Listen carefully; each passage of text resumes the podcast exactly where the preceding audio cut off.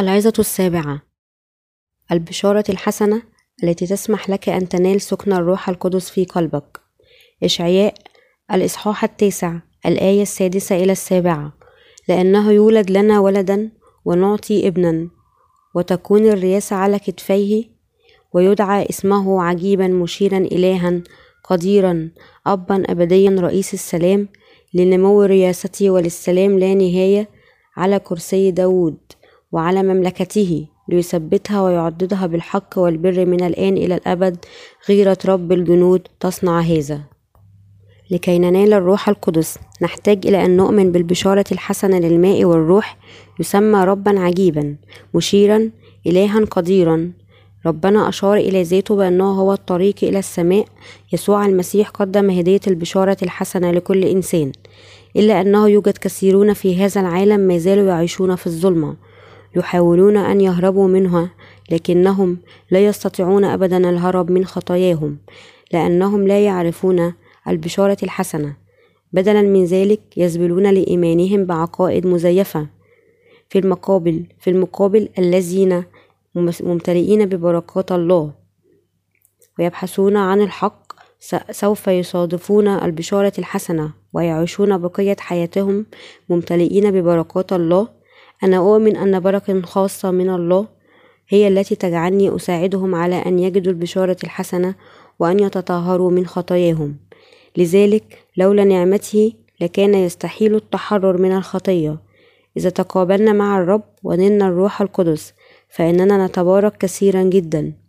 وللأسف لا يدرك الكثيرون أن بركة الله تأتي من الإيمان بهذه البشارة الحسنة.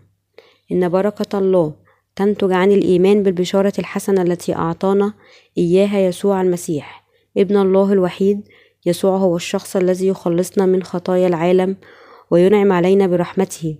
ليس هناك آخر يمكن أن يخلصنا من خطايانا أو يساعدنا أن نمحو الذنب الذي في قلوبنا. من يستطيع أن يخلص نفسه من خطاياه ومن ألم الموت الأزلي؟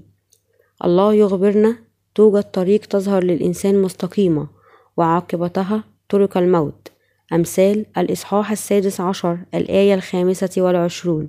يقيم الناس لأنفسهم ديانات خاصة ويقودهم أنفسهم نحو الهلاك والموت. أديان كثيرة تتفاخر بأنها تشدد على البر وتعرض طريقها الخاصة لتنفذ الناس من خطاياهم. لتنقذ الناس من خطاياهم لكن بشارة الماء والروح فقط التي أعطاها لنا الرب هي التي تستطيع أن تخلصنا من جميع خطايانا. يسوع وحده هو المخلص الذي يقدر أن يخلص الخطاة من خطاياهم. قال ربنا في يوحنا الإصحاح الرابع عشر الآية السادسة أنا هو الطريق والحق والحياة.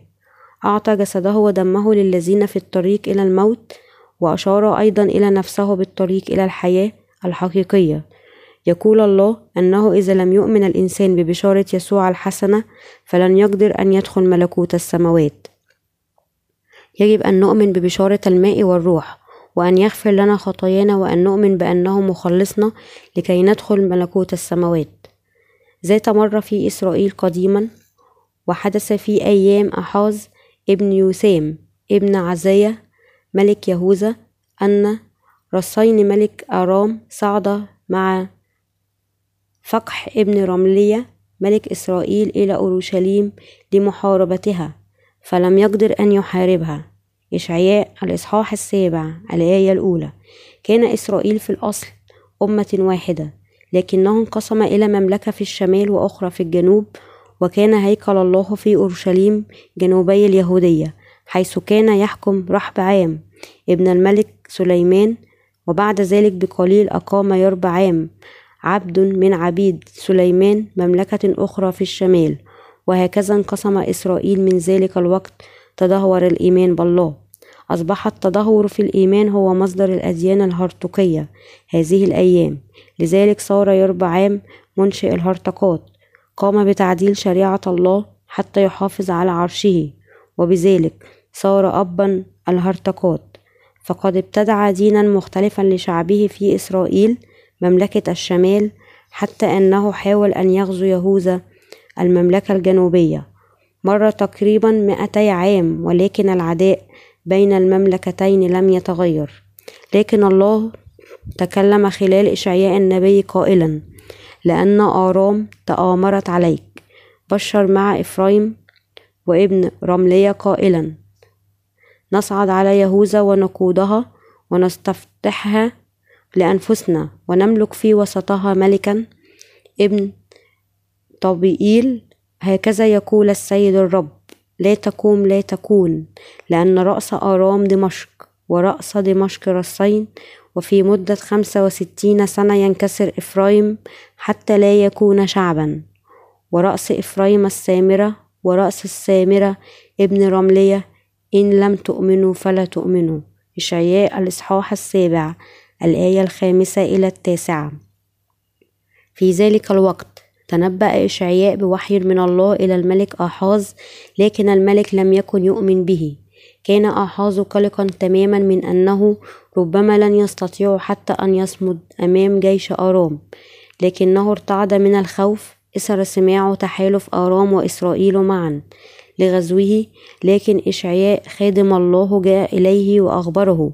في أقل من خمس وستين سنة سوف ينكسر شمال إسرائيل إفرايم والمؤامرة الشريرة التي دبرها الملكان لن تتم أبدا. أخبر خادم الله الملك آحاز أن يطلب علامة من الله. اطلب لنفسك آية من الرب إلهك عمق طلبك أو ارفعه إلى فوق. إشعياء الإصحاح السابع الآية الحادية عشر. فقالوا فقال اسمعوا يا بيت داود هل هو قليل عليكم أن تضجروا الناس حتى أيضا؟ ولكن يعطيكم السيد نفسه آية العذراء تحبل وتلد ابنا وتدعو اسمه عمانوئيل؟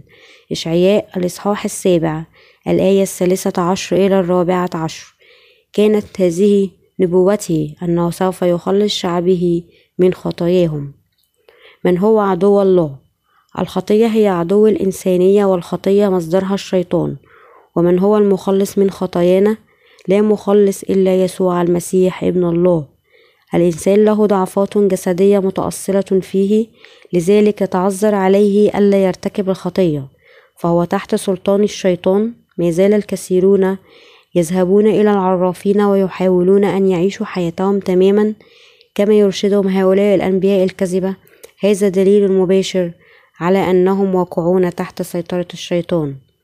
لقد أعطى الرب برهان الخلاص لإشعياء قائلا إن عذراء سوف تلد ابنا وتسمينه عمانوئيل. لقد كانت خطة الله أن يرسل يسوع في شبه جسد إنسان خاطئ ليخلص به الخطاة من ذل الشيطان. وطبقا للنبوة جاء يسوع إلى هذا العالم كإنسان مولود من العذراء مريم. لم يكن يسوع قد جاء إلينا لكن ما زال ما نزال نحيا. تحت حكم الشيطان لكن يسوع جاء إلى هذا العالم وتعمد من يوحنا ومات على الصليب لكي يعطينا البشارة الحسنة التي تخلص الخطاة من خطاياهم. لذلك آمن كثيرون بالبشارة الحسنة نالوا مغفرة خطاياهم وصاروا أبناء الله. حتى في يومنا هذا كثير من اللاهوتيين يتجادلون حول ما إذا يسوع المسيح هو الله أم إنسان. يقول اللاهوتيون المحافظون إن يسوع هو الله لكن اللاهوتيين الجدد. يردون محتجين بأن يسوع كان ابنا غير شرعي ليوسف. يا له من الدعاء ادعاء يرسى له. بعض اللاهوتيين الجدد يقولون أنهم لا يستطيعون أن يؤمنوا بأن يسوع كان له القدرة على أن يمشي على الماء. يقولون أن يسوع مشى بالفعل. على ربوة منخفضة على مرمى البصر على مرمى البصر وعندما رآه تلاميذه من بعيد ظنوا أنه كان ماشيا على الماء. إن الحاصلين على درجة الدكتوراه في الدراسات اللاهوتية حاليا والذين ينتمون إلى مدارس اللاهوت الجدد ليسوا جميعا من رجال اللاهوت البارزين. معظمهم يفضل أن يؤمن فقط بما يستطيع أن يفهمه من الكتاب المقدس. مثال آخر يقول الكتاب المقدس أن يسوع أطعم خمسة آلاف رجل بخمسة خبزات وسمكتين لكنهم ما زالوا متشككين للغاية فيما يتعلق بهذه المعجزة إنهم يفسرونه على هذا النحو كانت الجموع تتبع يسوع ثم أخذوا يشعرون بجوع شديد لذلك طلب يسوع من تلاميذه أن يجمعوا كل ما تبقى من طعام فجاء إليه طفل وأعطاه طعاما طوعا. مما جعل الكبار يتأثرون ويخرجون طعامهم. لذلك بعدما جمعوا كل الطعام وأكلوا تبقى عنهم اثنا عشرة سلة. مثل هؤلاء اللاهوتيين يحاولون ببساطة أن يكيفوا كلام الله ليتلائم مع فهمهم المحدود جدا. إن الإيمان بحقيقة الله يعني ببساطة الإيمان بالبشارة الحسنة التي أعطاها الله. فالإيمان لا يعني أن نصدق شيئا لأنها يبدو معقولا ونتقاعس على أن نصدق شيئا آخر لأنه لا يبدو كذلك. سوى كنا نفهم أو لا نفهم يجب أن نثق فيه ونقبل كلامه كما هو مكتوب. حقيقة أن يسوع جاء إلينا كابن الإنسان يعني أنه أرسل ليخلصنا من جميع خطايانا. يسوع هو الله جاء إلى هذه الأرض ليخلصنا. تنبأ عنه إشعياء بأنه يأتي إلينا كابن إنسان مولود من عذراء. وفي تكوين الإصحاح الثالث الآية الخامسة عشر قال الرب الإله للحية وأضع عداوة بينك وبين المرأة وبين نسلك ونسلها هو يسحق رأسك وأنت تسحقين عقبتي؟ عقبه؟ هذا يعني أن الله قد خطط أن يرسل يسوع في هيئة إنسان كمنقذ لنا ليخلص البشر من خطاياهم. مكتوب في الكتاب المقدس أين شوكتك يا موت؟ أين غلبتك يا هاوية؟ أما شوكة الموت فهي الخطية وقوة الخطية هي الناموس. كورنثوس الأولى الإصحاح الخامس عشر الآية الخامسة والخمسون إلى السادسة والخمسون. شوكة الموت هي الخطية. عندما يخطئ الإنسان يستعبده الموت. لكن الرب وعدنا نسل المرأة يسحق رأسك. وهذا يعني أن يسوع سوف يكسر شوكة الخطية التي أتى بها الشيطان. جاء يسوع إلى هذا العالم تعمد لكي يمحو كل خطايا العالم وصلب ودين لأجلها. لقد خلص كل الذين يؤمنون بالبشارة الحسنة من خطاياهم. لما أخطأ آدم وحواء وعد الله بأن يخلص البشر من سلطان الشيطان. في عالمنا المعاصر أعداء الله هم الذين لا يؤمنون بالبشارة الحسنة. لماذا ولد يسوع في هذا العالم؟ أعطانا الله الناموس والبشارة الحسنة ليخلصنا من خطايانا. تحت ناموس الله أصبح الناس خطاة في محضر الله. كذلك أعطى الناموس لكي يعرف الناس خطاياهم. وعندما أصبح الناس عبيدا للخطية وللناموس نفسه أتى ربنا إلى هذا العالم ليتمم متطلبات بر الناموس. يسوع ولد تحت الناموس. ولد في عهد الناموس.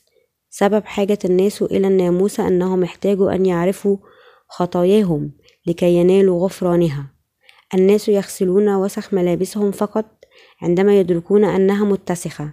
بالمثل لكي يقروا الناس بخطاياهم ينبغي أن يعرفوا ناموس الله. إذا لم يكن هناك ناموس لن يكون هناك أي معنى للخطية وما كان ليسوع أن يأتي إلى هذا العالم. إذا كنت تعرف ناموس الله فإن لك فرصة لكي تقابله. عرفنا الناموس لذا صرنا قادرين أن نعلم خطايانا. فقط بعدما عرفنا بخطايانا أتى إلينا يسوع المسيح بالبشارة الحسنة حتى نؤمن بها إن لم يعطنا الله الناموس لما كنا خطاة وما وجد حساب. لذلك أعطانا الله الناموس وقدم لنا البشارة الحسنة ليخلص كل الخطاة من خطاياهم. الناموس الذي يجب أن يوجد بين الخالق وخليقته هو ناموس الله للخلاص. هذا هو ناموس الحب. قال الله للإنسان وأما شجرة معرفة الخير والشر فلا تأكل منها لأنك يوما تأكل منها موتا تموت. تكوين الإصحاح الثاني الآية السابعة عشر. كان هذا هو الناموس الذي منحنا الله إياه وأصبح الناموس أساس الحب الذي به خلصنا الله جميعا من خطايانا. أساس ناموس الخلاص في مغفرة خطايانا الله يخبرنا أنه خالقنا وأن كل شيء وجد حسب مشيئته. هذا يعني أن الله هو الكائن المطلق وأنه يجب على الناموس أن يؤمنوا بناموس الخلاص الذي تم بواسطة البشارة الحسنة. الله الغير محدود صلاحه غير محدود. إن حب الله لهذا العالم هو الذي حثه على أن يقدم ابنه الوحيد ذبيحة لأجلنا الذي صار المخلص لجميع الخطاة. إذا كان الله خلقنا ولم يعطنا البشارة الحسنة ليخلصنا من خطايانا لكنا اشتكينا عليه لكن الله أراد أن يخلصنا من هلاكنا. لذلك وضع ناموس الخلاص بسبب الناموس. استطعنا أن ندرك خطايانا وبمعاينتها مباشرة. بدأنا نؤمن بيسوع ببشارة يسوع الحسنة. عندما ننتهك كلمة الله نظهر خطاه أمام الناموس. وبعدها ننحني كلنا نحن الخطاة ونتوسل رحمته بغفران الخطية أمام الله. ولد يسوع من امرأة وجاء إلى هذا العالم ليخلص البشرية من الخطية. جاء يسوع إلى هذا العالم كإنسان ليتمم خطة الله لنا. نحن نؤمن ببشارته الحسنة لذلك نحمد الرب. يشكو البعض لماذا خلقني الله هكذا؟ هشا هشا حتى أنني سقطت بسهولة في الخطية وتألمت كثيرا بسبب آثامي. لكن الله لم يردنا أبدا أن نتألم. لقد سمح لنا بالألم. لأننا شككنا في بشارة يسوع. أعطانا الله كل من الألم والبشارة الحسنة حتى نأخذ نحن أولاده نفس السلطان الذي له. هذه كانت خطته. لكن الشياطين تقول لا لا. الله ديكتاتور. انطلق وعش كما تشاء. كن مستقلا. ابني مستقبلك بمجهودك. تحاول الشياطين أيضا أن يمنعون البشر من أن يؤمنوا بالله. لكن الذين يختارون أن يعيشوا بعيدا عن الله يعوقون خطة الله للخلاص. جاء يسوع إلى هذا العالم ودعا الذين تحت سلطان الشيطان ليتبرأوا من خطاياهم فلا ينبغي أن نعيش بمعزل عن الله. ولد الإنسان خاطئا مصيره الجحيم. لا توجد حقيقة على الأرض لا تتغير ولكن البشارة الحسنة من يسوع هي الحقيقة الثابتة. لذلك يمكن أن يعتمد الناس على هذه الحقيقة ليتحرروا من سلطان الشيطان. لقد ورثت الإنسانية خطايا آدم وحواء ولولا تدخل المسيح لكان مصيرنا نيران الجحيم. لكن بفضل ذبيحته نال الإنسان بركة السلطان في أن يصير ابنا لله. ولكن لا يكون ظلام للتي عليها ضيق. إشعياء الإصحاح التاسع الآية الأولى. أرسل الله ابنه إلى هذا العالم ومجد الذين يؤمنون بالخلاص الحسن. الشعب السالك في الظلمة أبصر نورا عظيما. الجالسون في أرض ظلال الموت أشرق عليهم نورا. إشعياء الإصحاح التاسع الآية الثانية. اليوم تحقق هذا الوعد لكم ولي بالإيمان بالبشارة الحسنة. الحسنة لنا بركة الحياة الأبدية التي لا يمكن أن ننالها على هذه الأرض.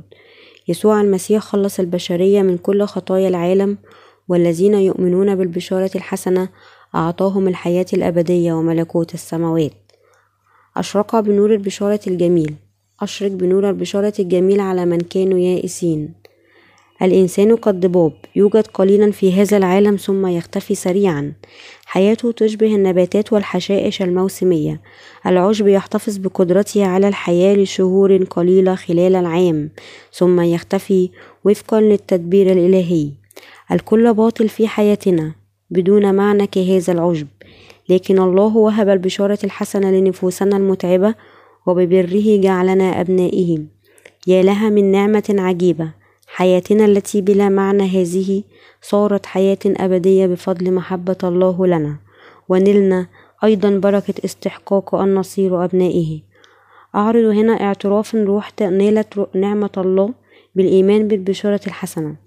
ولدت لأسرة لا تؤمن بالله لذلك نشأت وأنا أظن أن أمي تفعل حسنا بأن تصلي كل صباح لآلهة السماء والأرض. وأمامها وعاء به ماء من أجل خير أسرتي. كنت أكبر ولم أكن أعرف قيمتي أو السبب في وجودي الذي جعلني أعتقد بالفعل بعدم أهمية أن أحيا أو أموت. عشت منعزلا لأنني لم أكن مدركا لقيمتي. أتعبني هذا الأسلوب من الحياة لذلك عجلت بالزواج. كانت حياتي الزوجية جيدة. لم أتمنى أي شيء لذا عشت حياة الهدوء والسكينة. ثم أنجبت طفلا وقتها بدأت أشعر بالحب ينمو في داخلي. بدأت أتخلى عن رغبات الأنانية لكن خفت أيضا أن أفقد المقربين مني. لهذا بدأت أبحث عن الله. كنت هشا وعاجزا ومن ثم احتجت إلى كائن غير محدود يرعى من أحبهم. بدأت أواظب على الكنيسة لكن كان إيماني مختلفا قليلا عن إيمان أمي. إذا كانت تصلي أمام وعاء به ماء أما صلاتي فاعتمدت فقط على مخاوف وأماني غامضة. ذات مرة حضرت أحد الاجتماعات الصغيرة التي تقام في الكنيسة المجاورة وبينما كنت أصلي أخذت الدموع تتساقط من عيني. شعرت بالإحراج وحاولت أن أكف عن البكاء لكن استمرت دموعي تنهمر. الناس الذين حولي قاموا بوضع أيديهم على رأسي وهنؤوني على نوالي للروح القدس لكنني كنت لم أكن واثقا أن تلك القوة كانت من الروح القدس. الكنيسة التي كنت أذهب إليها كانت من ضمن الحركة الخمسينية الكاريزماتية وكان هناك كثيرون لهم اختبارات مثلي وكل شخص تقريبا كان يتكلم بألسنة في يوم من الأيام.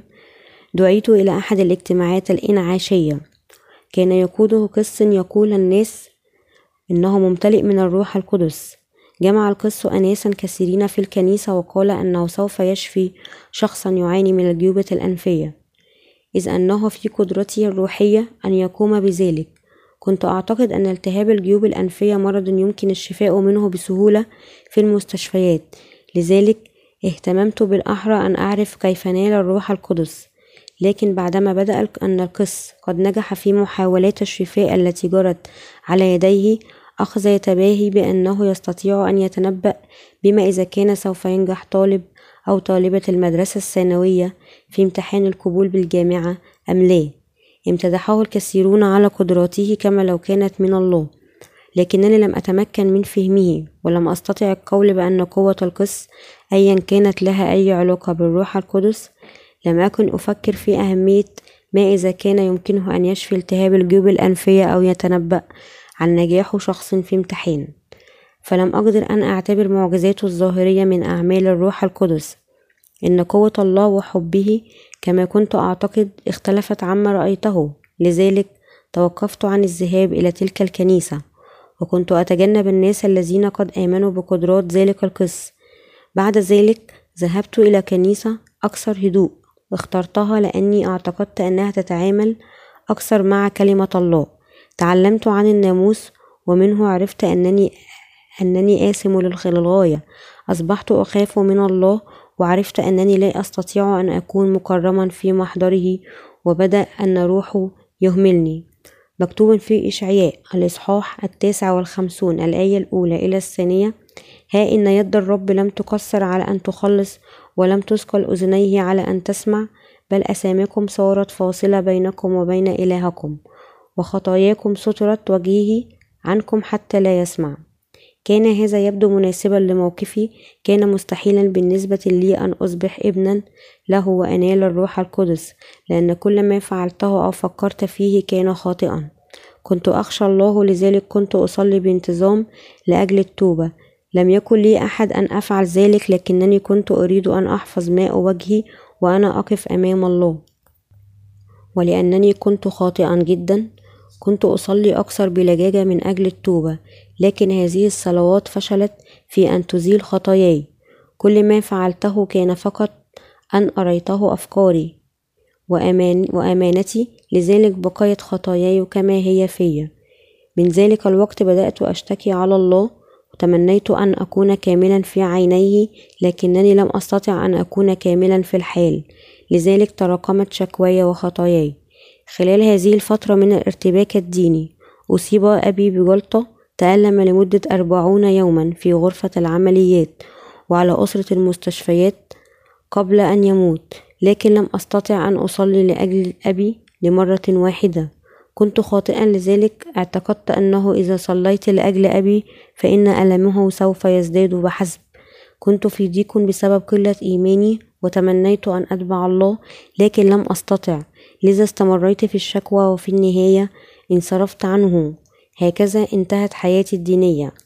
اعتقدت أنه إذا آمنت به سوف يسكن روحه فيا وأجد السلام لكن الوضع لم يكن كذلك. بعد ذلك صارت حياتي بلا معنى أكثر من ذي قبل وعشت خائفا تعيسا. لكن الرب لم يتخلى عني دبر أن أصادف مؤمنا نال حقا الروح القدس من خلال كلمات الله. علمت من هذا الشخص أن يسوع أخذ خطايانا خلال معموديته من يوحنا وأنه حكم بسببها على الصليب. لذلك تم غفران جميع خطايا هذا العالم ومن ضمنها خطاياي. عندما سمعت هذا وتمكنت أن أفهمه استطعت أن أرى أنني تطهرت من كل خطاياي وأعنني الله على أن أنال مغفرة خطاياي وأعطاني بركة الروح القدس ومنحني السلام في حياتي. قادني في هدوء وأعطاني فهما واضحا عن الخير والشر ووهبني قدرة التغلب على تجارب هذا العالم. استجاب لصلواتي وساعدني أن أعيش حياة صالحة لها قيمة. أشكر الله حقا لأنه وهبني الروح القدس. كل واحد منا بورك بنعمة الرب وهو قادر أن ينال الروح القدس. أشكر الرب لأنه منحنا بشارته الحسنة. الله بارك الأبرار بهذه السعادة. لذلك فإن قلوب الأبرار فرحة. لقد منحنا الرب السعادة الأبدية. نحن نعرف كم يكون خلاص الله ثمين وكذا حبه ونعمته. ونحن شاكرين لأجل ذلك أعطانا الرب السعادة من خلال بشارة السماء الحسنة. وهذا شيء لا يمكن أن يشترى بالمال. أرسل الله لنا الروح القدس وكذلك البشارة الحسنة لكي يجعلنا مرفوعي الرأس. متهللين. البشارة الحسنة هي التي تبارك حياتنا. أعطانا الرب البشارة الحسنة ويفرح بأن الأبرار يتمتعون بحياة مباركة. كما هو مسجل في بشارة لوقا قالت مريم لأنه ليس شيء غير ممكن لدي الله هوذا أنا أمة الرب. ليكن لي كقولك إنجيل لوقا الإصحاح الأول الآية السابعة والثلاثون إلى الثامنة والثلاثون. في اللحظة التي آمنت مريم بكلمات الله الحسنة كما تكلم بها ملاكه حبلت بيسوع كذلك أيضا الأبرار. فمن خلال الإيمان يحملون بالبشارة الحسنة في قلوبهم. لأن نير ثقله وعصا كتفه وقضيب مسخر مسخرة كسرتهن كما في يوم مديان إشعياء الإصحاح التاسع الآية الرابعة. الشيطان هو سبب كل الضيق والأمراض والذل في حياتنا ولكننا ضعفاء للغاية حتى نتغلب عليه. لكن الله يحبنا لذلك حارب الشيطان وهزمه. لأنه يولد لنا ولدا ونعطي ابنا وتكون الرياسة على كتفه ويدعى اسمه عجيبا مشيرا إلها قديرا أبا أبديا. رئيس السلام لنمو رياسته وللسلام لا نهاية على كرسي داود وعلى مملكته ليثبتها ويعضدها بالحق والبر. من الآن إلى الأبد غيرة رب الجنود تصنع هذا. إشعياء الإصحاح التاسع الآية السادسة إلى السابعة. لقد وعد الله أن يمجدنا بأن يجعلنا أبنائه بواسطة البشارة الحسنة التي جاء بها يسوع وهزم الشيطان حسب وعده من سلط... واعتقنا من سلطانه. جاء الرب إلى الأرض وبسلطانه وعد أن يطرح ظلمة الخطية لذلك نسمي الرب بالعجيب. لقد صنع عجائب كثيرة لأجلنا. كان قرار غامض من الله أن يأتي إلى هذا العالم ويصير ابن الإنسان. هلما نتحاجج يقول الرب. إن كانت خطاياكم كالقرمز تبيض كالثلج إن كانت حمراء كالدودي تصير كالصوف. إشعياء الإصحاح الأول الآية الثامنة عشر. لقد وعد الرب أن يخلصنا من خطايانا ويهبنا المغفرة الأبدية. يشار إلى يسوع بالعجيب وبناء على ذلك صنع أعمالا عجيبة لأجلنا. يدعى اسمه مشيرا إلها قديرا. إن الله باعتباره مشيرا لنا دبر خلاصنا بالبشارة الحسنة. ونفذ خطته ليخلصنا إلى الأبد من خطايانا. إن جهالة الله أحكم من الإنسان. كانت حكمته أن يتعمد يسوع من يوحنا وأن يموت على الصليب لكي يخلصنا من جميع خطايانا. العمل الذي قام به لأجلنا سر, خرف سر خفي لكن ذلك هو ناموس الحب الذي خلصنا من جميع خطايانا. ناموس الحب هو بشارة الحق. التي تقودنا أن ننال الروح القدس من خلال الماء ودمه. يقول الرب في إشعياء الإصحاح الثالث والخمسون الآية العاشرة أما الرب فسر بأن يسحقه بالحزن جعل يسوع نفسه ذبيحة للخطية لكي يعمل مشيئة الله وضع خطايا العالم على ابنه يسوع المسيح وجعله يقاسي آلام الصلب عقوبة على تلك الخطايا هذه هي البشارة الحسنة التي خلصت البشر من خطاياهم مرة واحدة وإلى الأبد. قدم المسيح حياته لأجلنا ودفع أجرة الخطية وباركنا بالخلاص. النظام الإلهي للذبائح. يتكلم الكتاب المقدس عن ذبيحة كانت تقدم المغفرة عن الخطايا اليوم الواحد وكان يجب على الخاطئ أن يحضر حيوانا بلا عيب ويضع يديه على رأس الحيوان لكي يضع عليه خطاياه ثم يذبحه ويسلم دمه إلى الكائن. وكان الكاهن يأخذ بعض دم الذبيحة ويسكبه على قرون مسبح المحرقة ويسكب الباقي أسفل المسبح.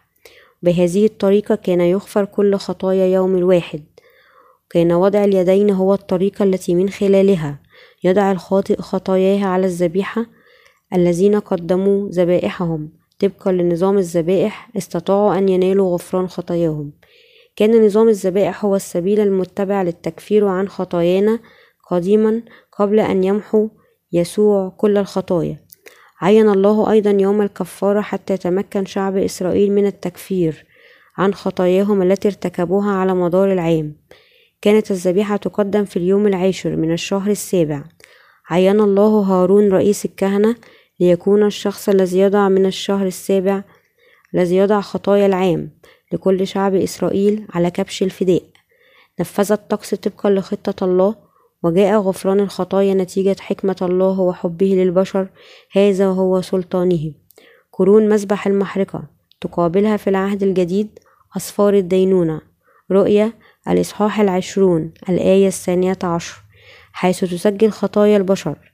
السبب الذي لأجله يضع الكاهن دم ذبيحة الخطية على قرون مسبح المحرقة هو ليمحو أسماء الأشخاص وأسامهم من سفر الدينونة.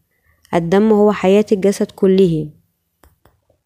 الذبيحة حملت خطايا شعب إسرائيل والتيس ذبح ليدفع أجرة الخطية. جعلهم الله يقومون ذبيحة حيوانية حتى يقبلوا فكرة الدينونة عن خطاياهم.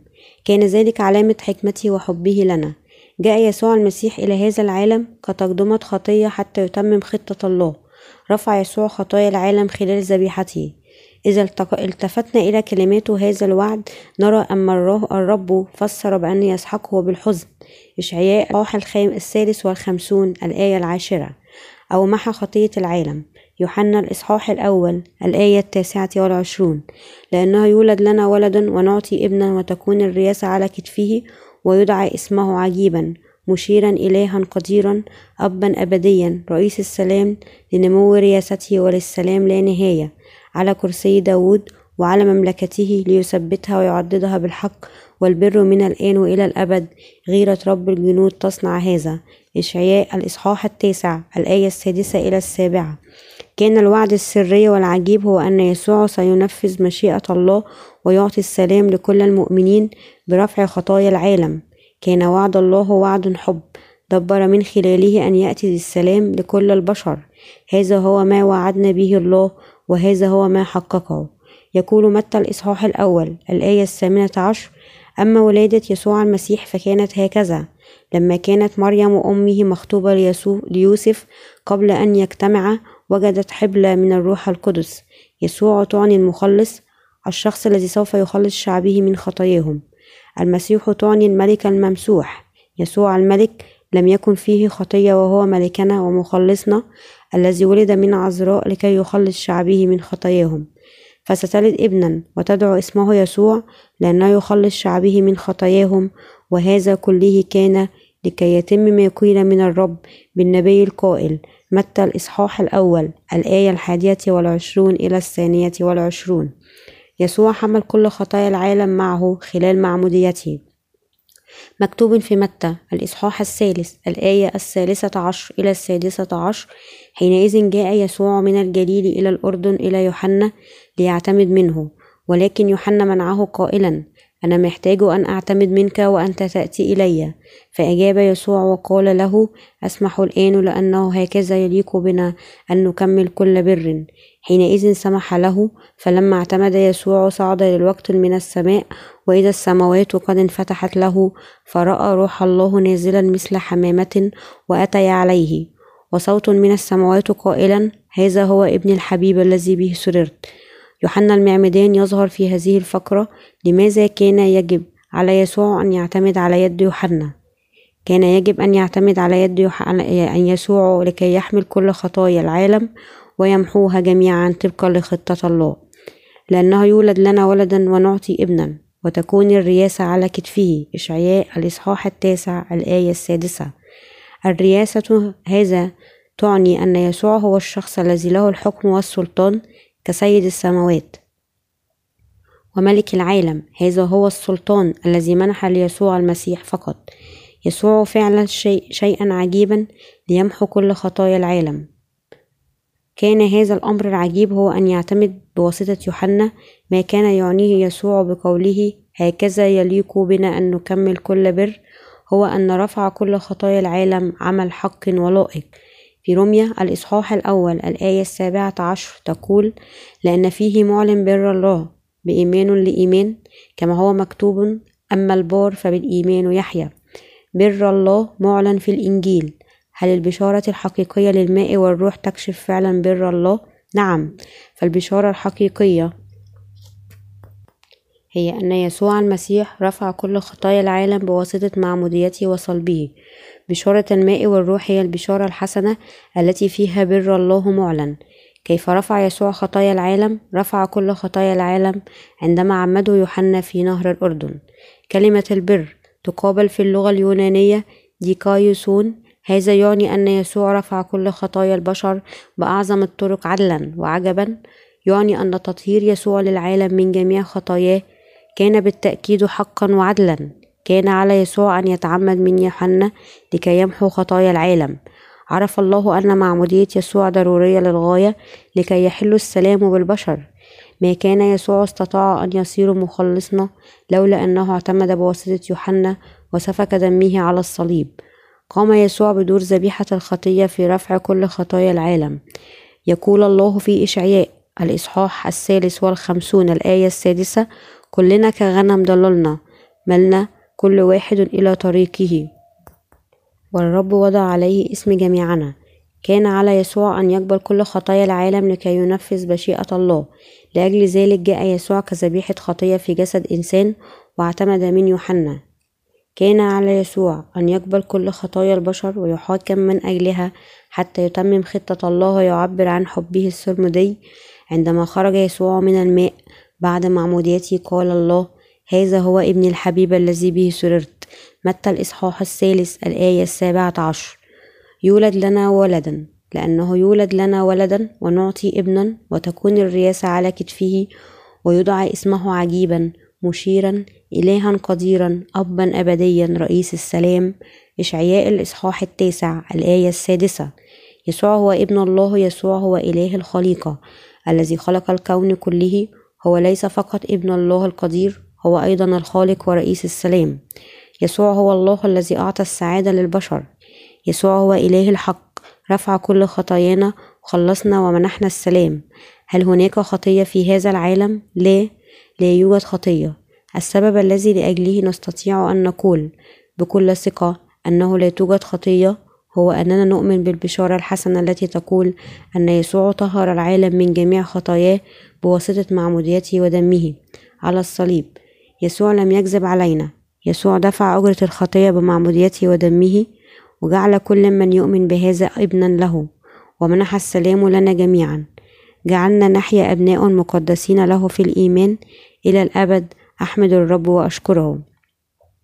هوذا حمل الله الذي يرفع خطية العالم يوحنا الإصحاح الأول الآية التاسعة والعشرون يقول وفي الغد نظر يوحنا يسوع مقبلا إليه فقال هوذا حمل الله الذي يرفع خطية العالم ظهر يسوع المسيح مرة أخرى أمام يوحنا المعمدان في اليوم التالي بعد أن رفع خطايا العالم بواسطة معموديته. وشهد يوحنا ليسوع قائلا هوذا حمل الله الذي يرفع خطية العالم وشهد مرة أخرى في يوحنا الإصحاح الأول الآية الخامسة والثلاثون إلى السادسة والثلاثون. وفي الغد أيضا كان يوحنا واقفا هو واثنان من تلاميذه فنظر إلى يسوع ماشيا فقال هوذا حمل الله. كان يسوع هو المسيا الذي جاء كحمل الله تماما كما وعد الله في العهد القديم. المسيا يسوع المسيح جاء إلينا بصفته العجيب المشير الإله القدير. واعتمد ليخلصنا من جميع خطايانا ولد لنا ولدا. أخذ كل خطايا العالم عن طريق معموديته من يوحنا. دفع أجرة الخطية وصار رئيس السلام الذي يمنحنا السلام وغفران كل خطايانا. هوذا حمل الله الذي يرفع خطية العالم. سابقا لم يكن للناس خيار آخر عدلا أن يموتوا من أجل خطاياهم. كان محتم على البشر أن يرتكبوا عددا لا يحصى من الخطايا بسبب طبيعتهم الخاطئة وفي نهاية المطاف مصيرهم النار عاشوا حياة بائسة لا يستطيع أحد منهم أن يدخل أو يحلم. بملكوت الله نتيجة ضعفاتهم. يسوع المسيح إلى هنا أخذ كل خطاياهم عندما تعمد من يوحنا في نهر الأردن. وصلب عقابا عن أسامهم. قال المسيح عند موته قد أكمل. يوحنا الإصحاح التاسع عشر الآية الثلاثون. كانت هذه صرخة شهادتي بحقيقة أن يسوع خلص كل البشر من خطاياهم وموتهم. وأنه خلص نهائيا من كل كل من آمن بالبشارة الحسنة. هوذا حمل الله الذي يرفع خطية العالم هل تعرف أين خطايا العالم كلها؟ أليس جميعها على جسد يسوع المسيح؟ أين كل الخطايا والآثام التي تزللن في هذا العالم؟ جميعها انتقلت إلى يسوع المسيح. أين كل خطايانا؟ إنها في جسد من له الرياسة على كتفه في جسد الإله القدير. كل الخطايا من الميلاد حتى الممات. نحن نرتكب الخطايا طوال حياتنا ارتكبنا خطايا من أول يوم ولدنا فيه وحتى يوم إن بلغنا سن العشرين أين ذهبت كل تلك الخطايا التي ارتكبت لمدة عشرين سنة؟ لقد انتقلت إلى جسد يسوع المسيح. الخطايا التي فعلناها بين سن العشرين والأربعين انتقلت إلى يسوع أيضا. بصرف النظر عن عدد السنين التي يحياها الإنسان فإن الخطايا التي ارتكبها من بداية حياته حتى نهايتها قد انتقلت إلى يسوع المسيح. جميع الخطايا التي ارتكبها البشر بداية من آدم وحتى آخر إنسان على وجه هذه الأرض قد انتقلت إلى يسوع. وحتى خطايا أبنائنا وأحفادنا قد وضعت على يسوع. كل الخطايا تم نقلها إلى يسوع وقت معموديته. هل لا يزال هناك خطايا في هذا العالم؟ لا لم يبقى ولا واحدة. ولم يعد هناك خطية في العالم لأننا نؤمن بالبشارة الحسنة التي أعطاها لنا يسوع المسيح. هل لديك خطية في قلبك؟ لا آمين. نحن نؤمن بالبشارة الحسنة التي تقول أن يسوع المسيح خلصنا من جميع خطايانا. الحمد والشكر ليسوع القادر على كل شيء لأنه قام بهذا العمل العجيب من أجلنا. أعاد إلينا يسوع المسيح حياتنا الضائعة الآن. نؤمن بالبشارة الحسنة حتى يمكننا أن نحيا مع الله. حتى الناس الذين كانوا أعداء لله الخطاة الذين ليس لديهم أي اختيار آخر سوى أن يختبئوا في الغابات المظلمة. يمكنهم الآن أن يخلصوا من خطاياهم بواسطة الإيمان بالبشارة الحسنة. تعلمنا البشارة الحسنة أن الرب غسلنا من كل خطايانا عندما تعمد من يوحنا وصلب وقام. أصبحنا أبناء الله المقدسين من خلال الإيمان ببشارة يسوع. قدم يسوع جسده ذبيحة من أجل خطايانا وهو ابن الله القدير. الذي لم يفعل خطية واحدة في هذا العالم. حمل كل خطايا العالم وخلص كل من يؤمن به. أشعياء الإصحاح السادس والخمسون الآية الخامسة. يكون مجروح لأجل معاصينا مسحوق لأجل أثامنا رفع يسوع كل خطايا العالم بما فيها كل من الخطايا الأصلية والخطايا الفعلية ولم يترك ذنبا واحدا. دفع أجرة الخطايا بموته على الصليب ومن ثم خلصنا من جميع خطايانا. طهر يسوع جميع خطايا العالم من خلال هذه البشارة الحسنة. وجدنا حياة جديدة من خلال يسوع. الذين يؤمنون بهذه البشارة الحسنة ليسوا بعد أمواتا في الروح. نحن الآن لنا حياة جديدة أبدية لأن يسوع دفع كل أجرة خطيتنا. ولذلك صرنا أبناء الله بواسطة الإيمان ببشارة يسوع المسيح الحسنة. هل تؤمن أن يسوع المسيح هو ابن الله؟ هل تؤمن أيضا أنه مخلصك؟ أنا أؤمن يسوع المسيح هو الحياة بالنسبة لنا. وجدنا حياة جديدة من خلاله. كان مصيرنا الموت بسبب خطايانا وذنوبنا.